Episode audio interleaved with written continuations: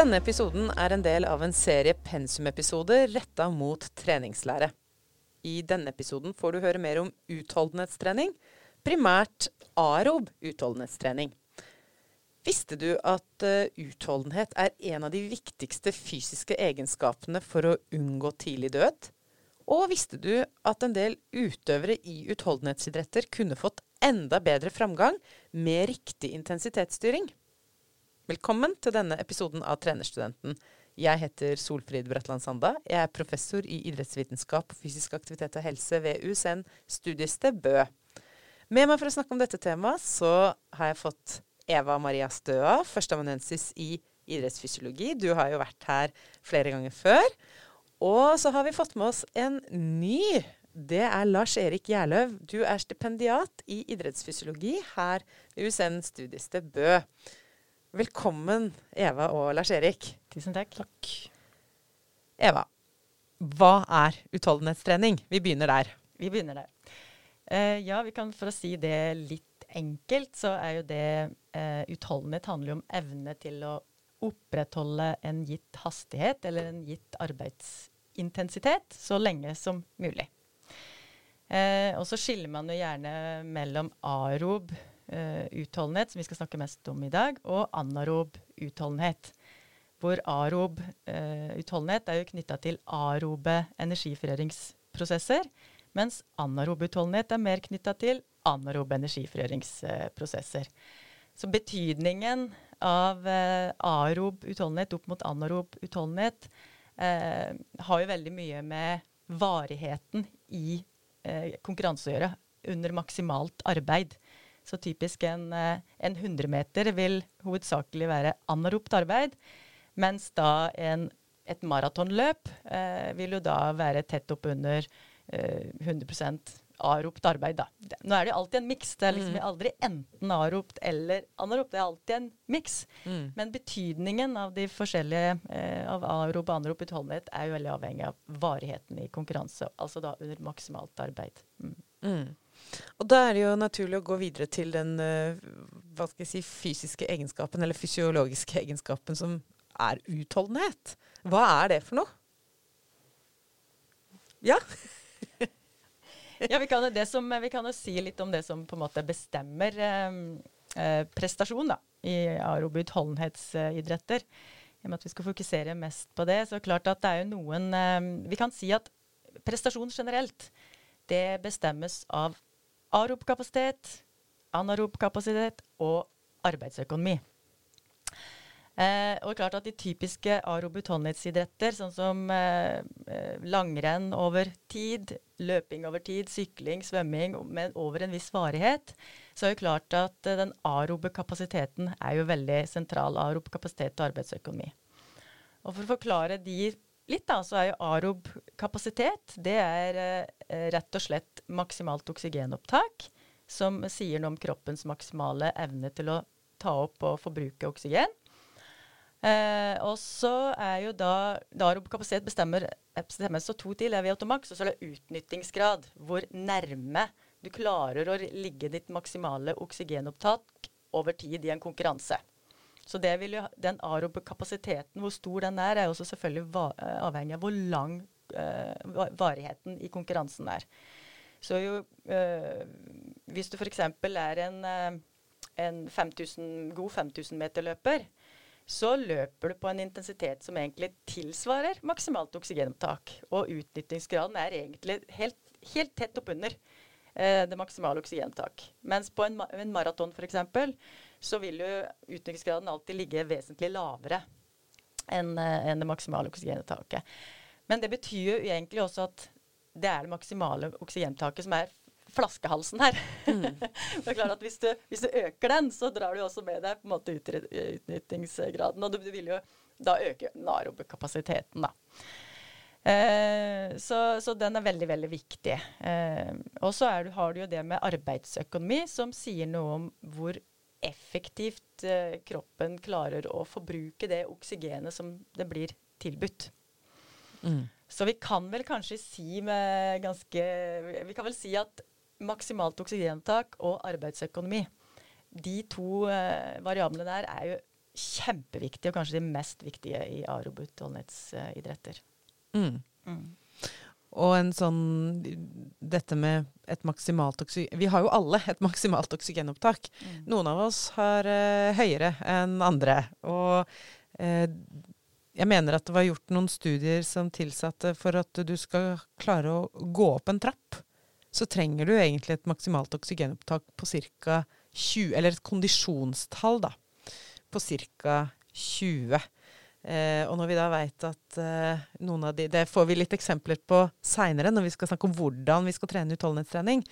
Men det er jo noen eksempler på utholdenhetsutøvere som har vært eh, i hvert fall eh, over 70-80. Eh, det har vel vært målinger på opp mot 90, men ja, vi veit ikke helt validiteten i de målingene. Men det, det sier noe om spennet i maksimalt oksygenopptak mellom veldig utrente, inaktive, kanskje fryktelig dårlig fysisk form, og topputøverne på verdensbasis i utholdenhetsidretter. Da. Mm. Uh, hvis vi uh, og, og, med det som inngang, uh, så er det jo interessant å spørre dere liksom, ja, hvor, hvorfor skal vi trene utholdenhet? Lars Erik? Ja, utholdenhet er jo eh, altså evnen til å holde ut over tid, og gjerne med litt uh, intensitet, setter vi på når vi snakker om det som en fysisk egenskap. Um, og det er jo en viktig egenskap både for um, Altså i livet generelt, uh, og som idrettsutøver. Så her snakker vi egentlig om en egenskap både som er viktig for, uh, for mannen og dama i gata, og vi, vi snakker om en egenskap som er viktig for toppidrettsutøveren og breddeutøveren, og alle som driver med, med fysisk aktivitet. Mm. Og det er jo egentlig den egenskapen vi også eh, i et sånt helseperspektiv eh, har vært tradisjonelt mest opptatt av. Eh, men som vi vel snakka om i en tidligere episode om styrke og styrketrening, så er det eh, Altså muskelstyrke har også blitt en, en egenskap som, som, vi har fått opp mer og mer øya for at også har en betydning for mer sånn generell helse. Eh, så det er liksom de to, de to faktorene som går igjen, da. Mm. Da syns jeg vi skal gå over til det som er uh, egentlig kjernen i, i, alt det vi skal snakke om når det gjelder utholdenhetstrening og treningslære. Hvordan skal vi trene utholdenhet? Uh, det er jo et veldig stort uh, spørsmål. Eva, jeg vet ikke om du har lyst til å begynne å tilnærme deg det? ja. ja. hvordan? Er jo, da er vi igjen tilbake til hva er, det, hva, er det, som er målet med treningen din? Det vil jo bestemme litt for hvordan du skal, skal utføre en arob utholdenhetsøkt. Så det er klart at, Og da må vi jo se litt på hva er målet med, med den økten. Eh, og hva er målet med treningen over tid. Eh, det er klart Nå har vi tatt tak i noen, noen faktorer her som er veldig bestemmende da, for arob utholdenhetsprestasjon. Og vi har snakket om maksimalt oksygenopptak. Uh, og vi har snakket om uh, arbeidsøkonomi, som er, som er, to helt sentrale faktorer. Og da er det jo vist at det å øke det maksimale oksygenopptaket, da gjør, det kan man gjøre effektivt med å jobbe f.eks. med intervalltrening, hvor eh, dragene har en viss varighet, helst over to-tre minutter. Eh, og så på en intensitet eh, mot mellom 85 og 95% av eh, makspuls. Eh, så den, den, fire ganger fire har jo veldig mange hørt om. Eh, men dette kan jo gjøres på veldig mange måter, så lenge varigheten er eh, i hvert drag er over en viss tid. Sånn at når man begynner å jobbe, at sirkulasjonssystemet rekker å komme opp på den intensiteten som man ønsker. For det vi ønsker, er jo å påvirke hjertet, der hvor det pumper mest mulig mm. Eh, blod per slag. Uh, og Da må man opp i en viss uh, intensitet, og det tar litt tid før kroppen på en måte uh, kommer opp i den intensiteten og stimulerer hjertet på, på den måten man helst vil. For det er jo det som er først og fremst det mest bestemmende for det maksimale oksygentaket, det er jo det som vi, heter, som vi kaller slagvolum. da. Og der er det vist at mer høyintensiv arob intervalltrening er veldig effektivt for å øke maksimalt oksygentak. Man kan gjøre det på ulike, ulike måter. Man kan også kjøre hurtig langkjøring. Eller mer i et, uh, i et, mer i et helseperspektiv. Så f.eks. hvis man har en, en, en, tur som man går uh, ofte, altså for å få litt høyere intensitet, så kan man rett og slett bare gå i motbakke. For de som mm. ikke er så godt trent, som kanskje holder å gå fort, eh, hvor intensiteten og pulsen kommer såpass høyt eh, bare med å gå fort, så kan det bare være å gå på i ti minutter i en bakke mm. og jobbe der noen minutter for å komme opp i den sonen. Så, så, er jo det veldig effektivt, da. Så rent fysiologisk så, så, så vet vi det. Men så er jo klart, det er jo, så har vi vært inne på det med med arbeidsøkonomi. Og, og, og det handler jo om hvor, hvor, effektivt du forbruker det oksygenet som, som, du får tilbudt. da. Og da kan man jo bedre det på litt uh, ulike måter. F.eks. så hvis man tenker løpsteknikk igjen, da, så vil det være relevant å legge en del av treningen på den konkurransespesifikke hastigheten. Altså trene på et løpstek i den konkurransefarten som du faktisk skal konkurrere i. Så det vil jo være fornuftig for oss å få øke arbeids... Eh, altså da vil du øke teknikken i løpssteget i den farten, og dermed så vil du også bli mer effektiv eh, i, i, løpssteget ditt. Så har de også vist at det med maksimal styrketrening, som vi har vært litt inne på, nevnt litt tidligere, tror jeg, at det, det er også en effektiv måte å øke arbeidsøkonomi på. Det har man jo funnet både i, løpsstudier og sykkelstudier. Mm. Lars Erik, kan du komme med litt sånn uh, ulike eksempler når det gjelder ulike idretter?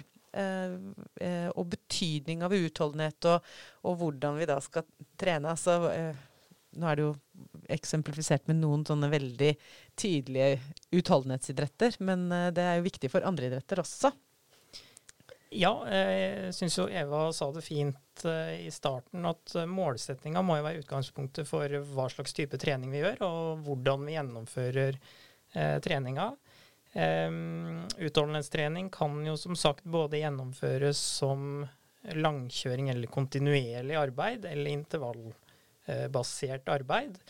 Eh, når det gjelder intervallbasert arbeid, så er det for så vidt ikke noe magisk med det, utenom at vi deler opp i kanskje litt korte arbeidsperioder med noen, med noen pauser imellom for å hente oss inn igjen. Eh, og det kan jo være av mentale grunner, og det kan være av, eh, av rent praktiske grunner, og at man restituerer litt mellom. Og klarer rett og slett å opprettholde intensiteten gjennom hele, hele økta. så er det jo noe med hvilke hvilke idretter er utholdenhet en viktig egenskap for? Og um, da tenker jeg jo, som Eva var litt innpå, at idretter der målet er eh, rett og slett å komme først fra start til mål. Altså idretter som eh, langdistanseløping, som langrenn, som triatlon, sykling osv. Eh, krever god utholdenhet og er typisk kategorisert som utholdenhetsidretter, fordi det i stor grad er vist å bestemmes av det maksimale oksygenopptaket, altså den maksimale kapasiteten, eh, og arbeidsøkonomi.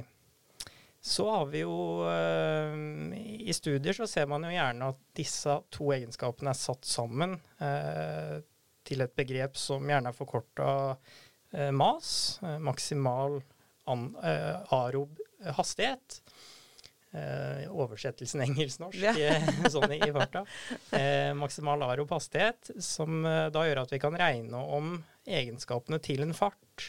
Eh, og det gir oss et godt praktisk mål på, på hvor stor fart vi eh, evner å holde over tid. og rett og slett altså farta på den maksimale arobe hastigheten er en fart som Eva sa, altså kanskje vi kan klare å holde en fem kilometer tett oppunder eller på VO2 max-fart, eller mm. maksimal ARO-fart. Um, og hvis vi konkurrerer lenger, så må vi kanskje gå noe ned på, på den farta. Mm. Og da kommer jo begreper som terskelfart, som er et uh, mye brukt begrep i disse dager, inn.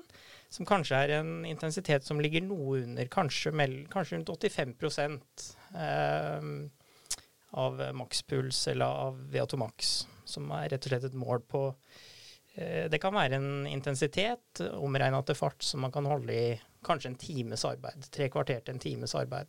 Så da har man noen sånne mm, mål som er veldig overførbare til hvordan man kommer til å gjøre det i konkurranse eh, i sånne type idretter, eh, der vi snakker om kontinuerlig arbeid da, fra, fra start til mål på høy intensitet. Så finnes det jo andre idretter som der utholdenhet betyr noe, eh, kanskje pga. aktivitetens varighet og intensitet, men der eh, for det første arbeidet er mer oppstykka, og der det er flere faktorer som betyr mye. Eh, fotball kan jo være et eksempel. Eh, håndball, innebandy, altså ballspill der idretten kjennetegnes av maksaksjoner. Altså man har korte aksjoner, kanskje på under ti sekunder, der man tar i alt man kan. Altså det kan være en rask spurt, det kan være en takling, det kan være et kontringsløp osv. Eh, som da avlastes av lengre perioder der hvor man går eller jogger eller har eh, løp med noe høyere intensitet, men der arob energiomsetning er viktig. I sånne type idretter så er det jo mange egenskaper som er viktige. Så der er jo utholdenhet Ja, det betyr noe, fordi i pausene mellom disse høyintensitetsaksjonene så er man avhengig av å produsere energi for å lade opp igjen til en ny aksjon. Man kunne jo tenke seg at jo bedre utholdenhet man har, desto flere sånne hurtige aksjoner kunne man orke å gjennomføre i løpet av en eh, kamp. Det må jo tenkes at det er sentralt, eh, og det er også vist. Eh, samtidig så må man jo kanskje vurdere utholdenhetstrening og sette det litt opp mot annen trening her. Altså mm. hvilke faktorer er viktigst for å prestere, og hvor mye vekt kan man legge på utholdenhetstrening. Eh, det kan jo hende vinninga går litt opp i spinninga mm. hvis man legger for mye vekt på utholdenhetstrening og skal prøve å tilegne seg et maksimalt oksygenopptak som en langrennsløper eller som en langdistanseløper. Det er jo ikke sikkert det er hensiktsmessig både for den totale treningsbelastninga, eller at det forbedrer prestasjonen eh, noe spesielt. Så har vi jo noen andre typer idretter der hvor eh, det kanskje kun stilles et minstekrav til utholdenhet. man kunne jo tenke seg aktiviteter som man ikke først og fremst forbinder med utholdenhet, men som Altså det kunne være styrkeløft, vektløfting eller golf, f.eks. Mm. Um, for å bruke golf som eksempel, så er jo det en aktivitet som foregår på lav intensitet, eh, men over lang tid. Så man kunne jo tenke seg at utholdenhet vil nok aldri bli den avgjørende faktoren for om man gjør en god golfturnering eller ikke, men man kunne jo tenke seg at utholdenhet blir viktig. Eh, det ene var jo for å transportere seg den mila mm. som en golfrunde kan ligge rundt, og det andre var jo å komme seg rundt den de her ti kilometerne med såpass stort overskudd at man kan ha full mm. konsentrasjon på hvert slag. Mm. Eh, og gjennomføre idrett med kvalitet. Og orke å gjennomføre treningsarbeidet dag etter dag.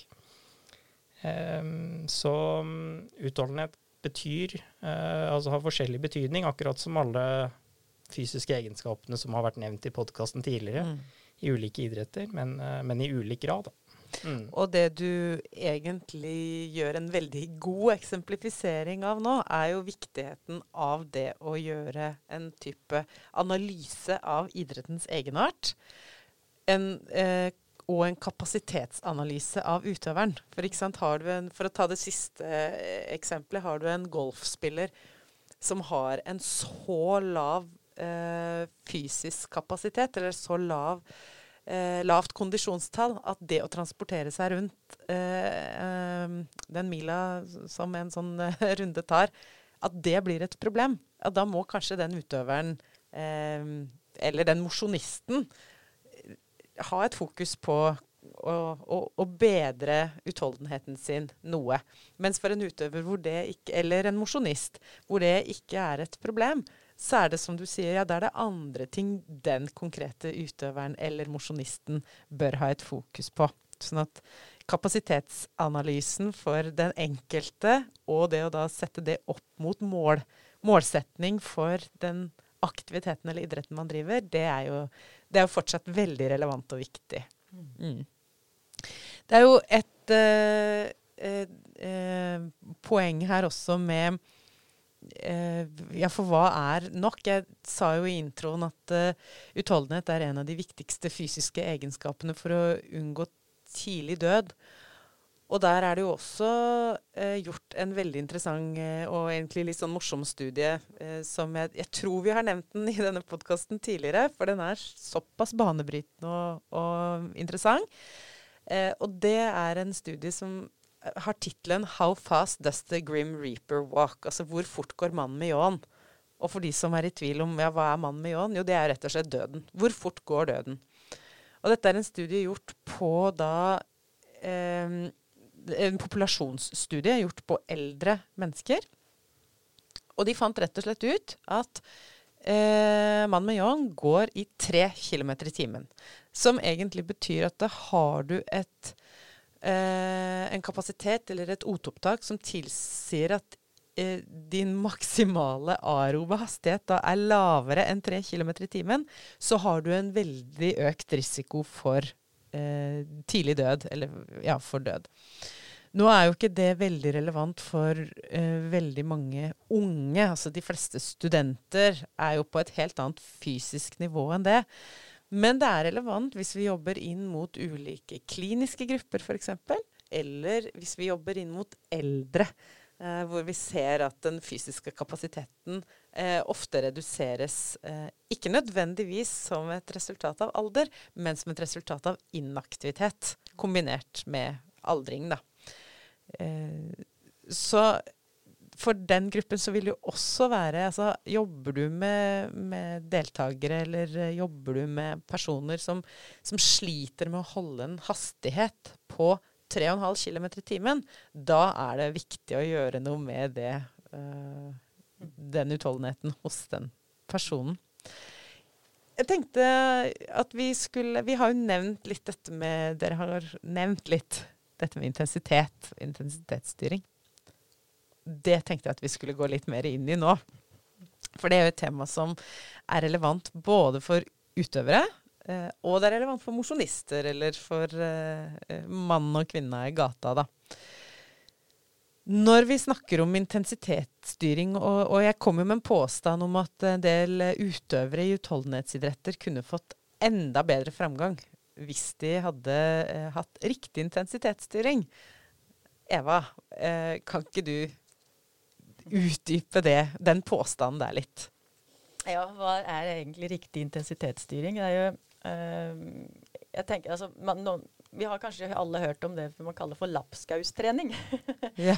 så hvis man, ikke, hvis man ikke er bevisst på å styre intensiteten, så kan man kanskje fort havne i den fella at man man havner litt midt på. altså Det er verken hardt eller uh, veldig rolig. Det blir litt sånn midt imellom. Og man trener kanskje litt for mye av det.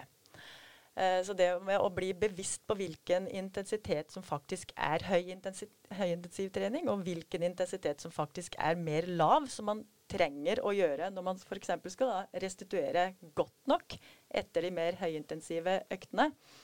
Eh, det er jo viktig, da, en veldig viktig del av treningsplanleggingen at man er eh, bevisst på det.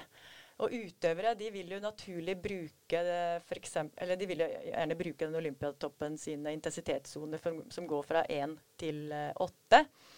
For sone 1, 2, 3, 4 opp mot 5 er de på en måte de arobe intensitetssonene, mens 6, 7 og 8 er de mer anarobe, da mer over på hurtighet, tempotrening. Eh, og da for å kunne bruke det som et verktøy, så må man naturlig nok uh, vite makspulsen sin. Uh, og nå er det jo mange som bruker pulsklokker som et eh, treningsverktøy. Som, er, som de fleste oppleves som fornuftig. Man blir litt mer bevisst på, kanskje spesielt på de rolige øktene, at de faktisk er rolig nok. Har du, har du, hatt noen høyintensive økter, eller du har hatt en konkurranse, eller du har hatt en hurtig langkjøring med høyere intensitet, så trenger du også da hvile.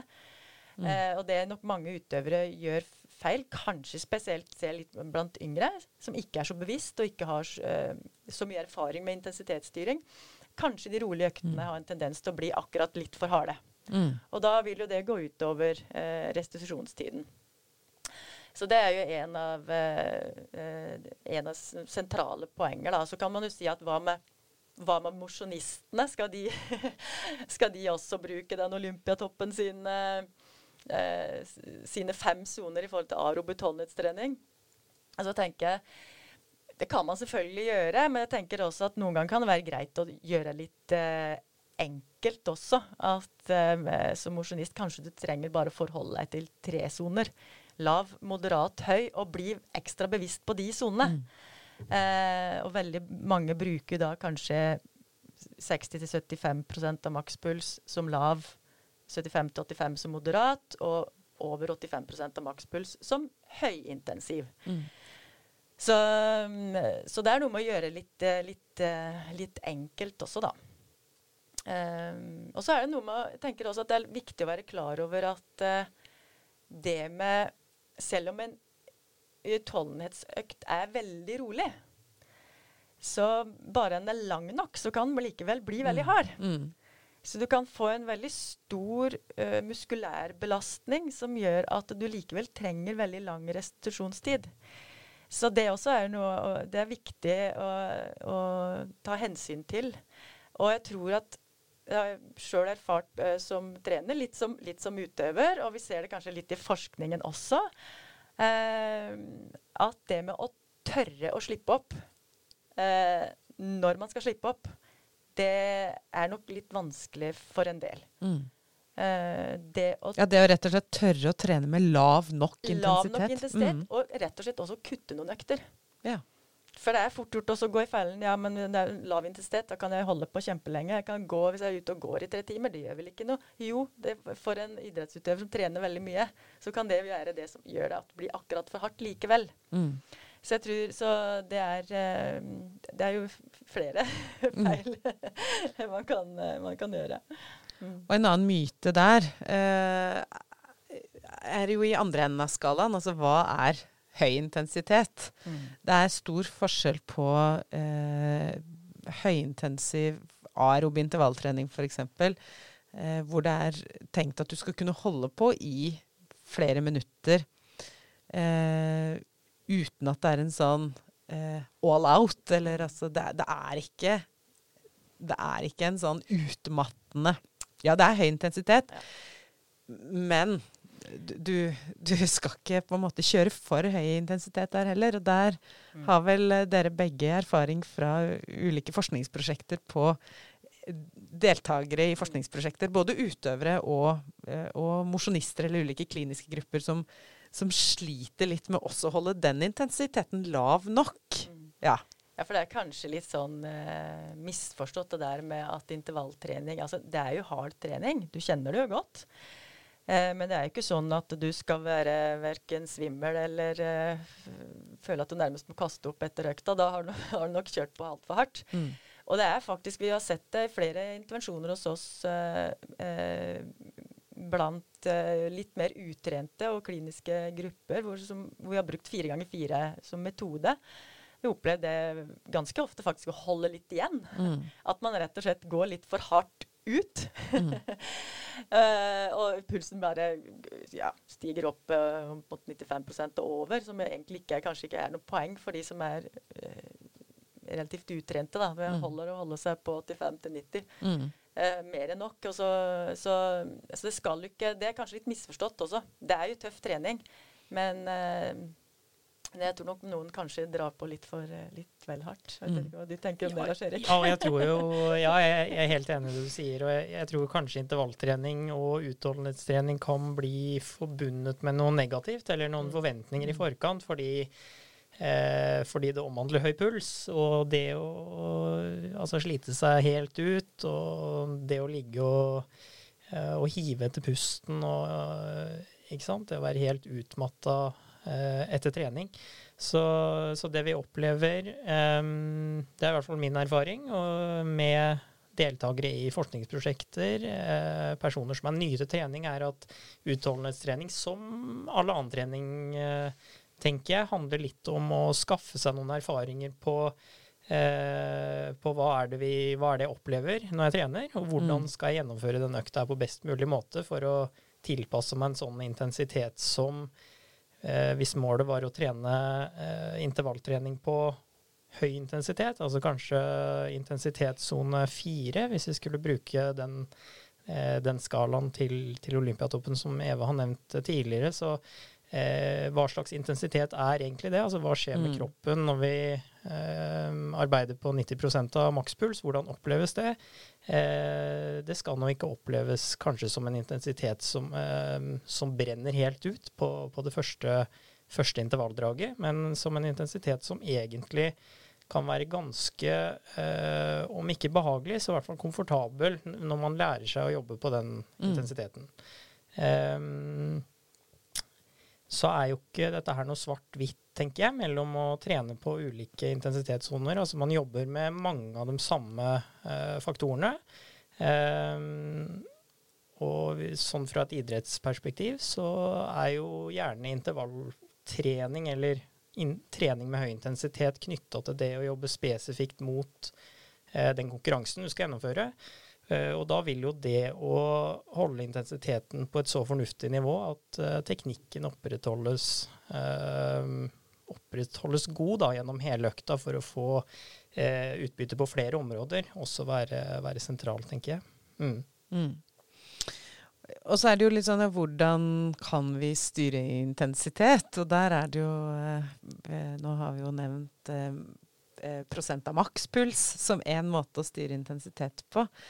Og eh, veldig mange har jo tilgang til enten det er eh, pulsklokker eller an, annen type teknologi som kan eh, hjelpe til med sånn type overvåkning da, av intensitet. Og så er uh, goder og onder med bruk av sånn teknologi, det tenker jeg er et helt annet tema. Men da har vi, ja, det å vite at det, det er en en helt eh, fin måte å, å, justere og prøve å kontrollere intensitet på.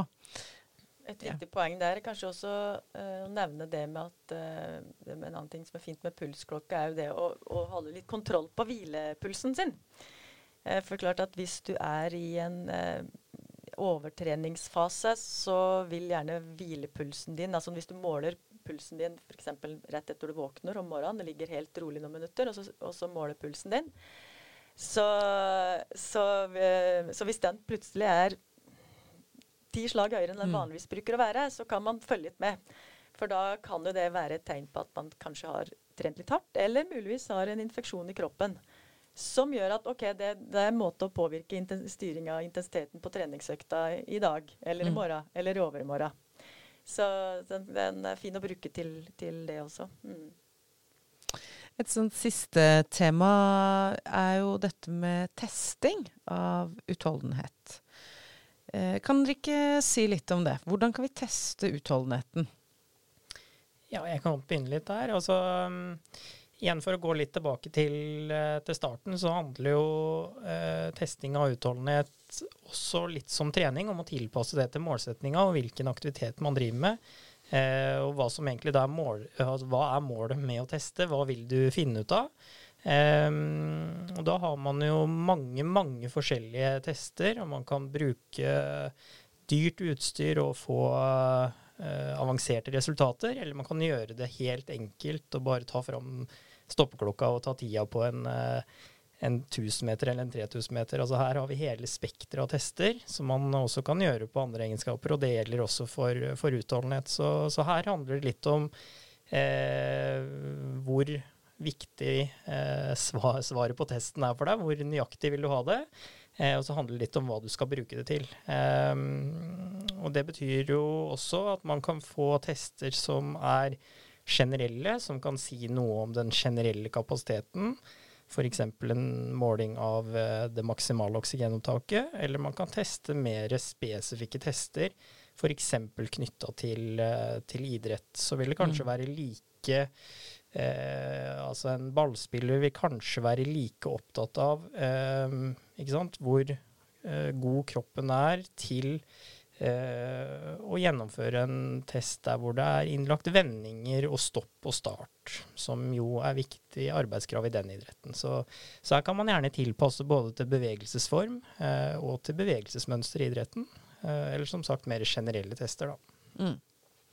Og noen av disse testene er jo også tilpassa eh, hva skal jeg si, kliniske grupper, eller grupper som har et hva skal jeg si, dårligere utgangspunkt da, enn en del utøvere har. Og da er det viktig at man velger tester som er tilpassa den gruppa man faktisk jobber inn mot.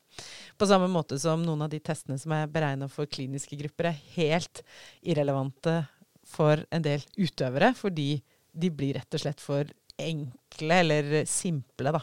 Og klarer ikke å fange opp eh, det den utøveren eh, faktisk har av Eller det, den egenskapen du faktisk er ute etter å teste hos den utøveren. Er det noen ting nå som vi har glemt å nevne for studentene når det gjelder utholdenhet og utholdenhetstrening? Eller intensitetsstyring? Vi kommer jo helt sikkert på noe med en gang etterpå. Ja. det er fort gjort. Jeg har vært innom mye. ja. Nei, men da tror jeg vi uh, sier at uh, resten får studentene lese på. Ja. det er fortsatt uh, Gjerseth sin uh, treningslærebok som er uh, pensum. Og jeg kommer også til å legge linker til noen av de For nå har vi jo snakka om noen studier også, som studentene kan gå inn og lese på. Og vi kommer også til å legge ut link til Olympiatoppens intensitets soner, eller skala med ulike intensitetssoner, sånn at dere har den lett tilgjengelig. Tusen takk, Eva og Lars-Erik, for at dere tok dere tida til å komme hit. Og til studentene så sier jeg bare på gjenhør.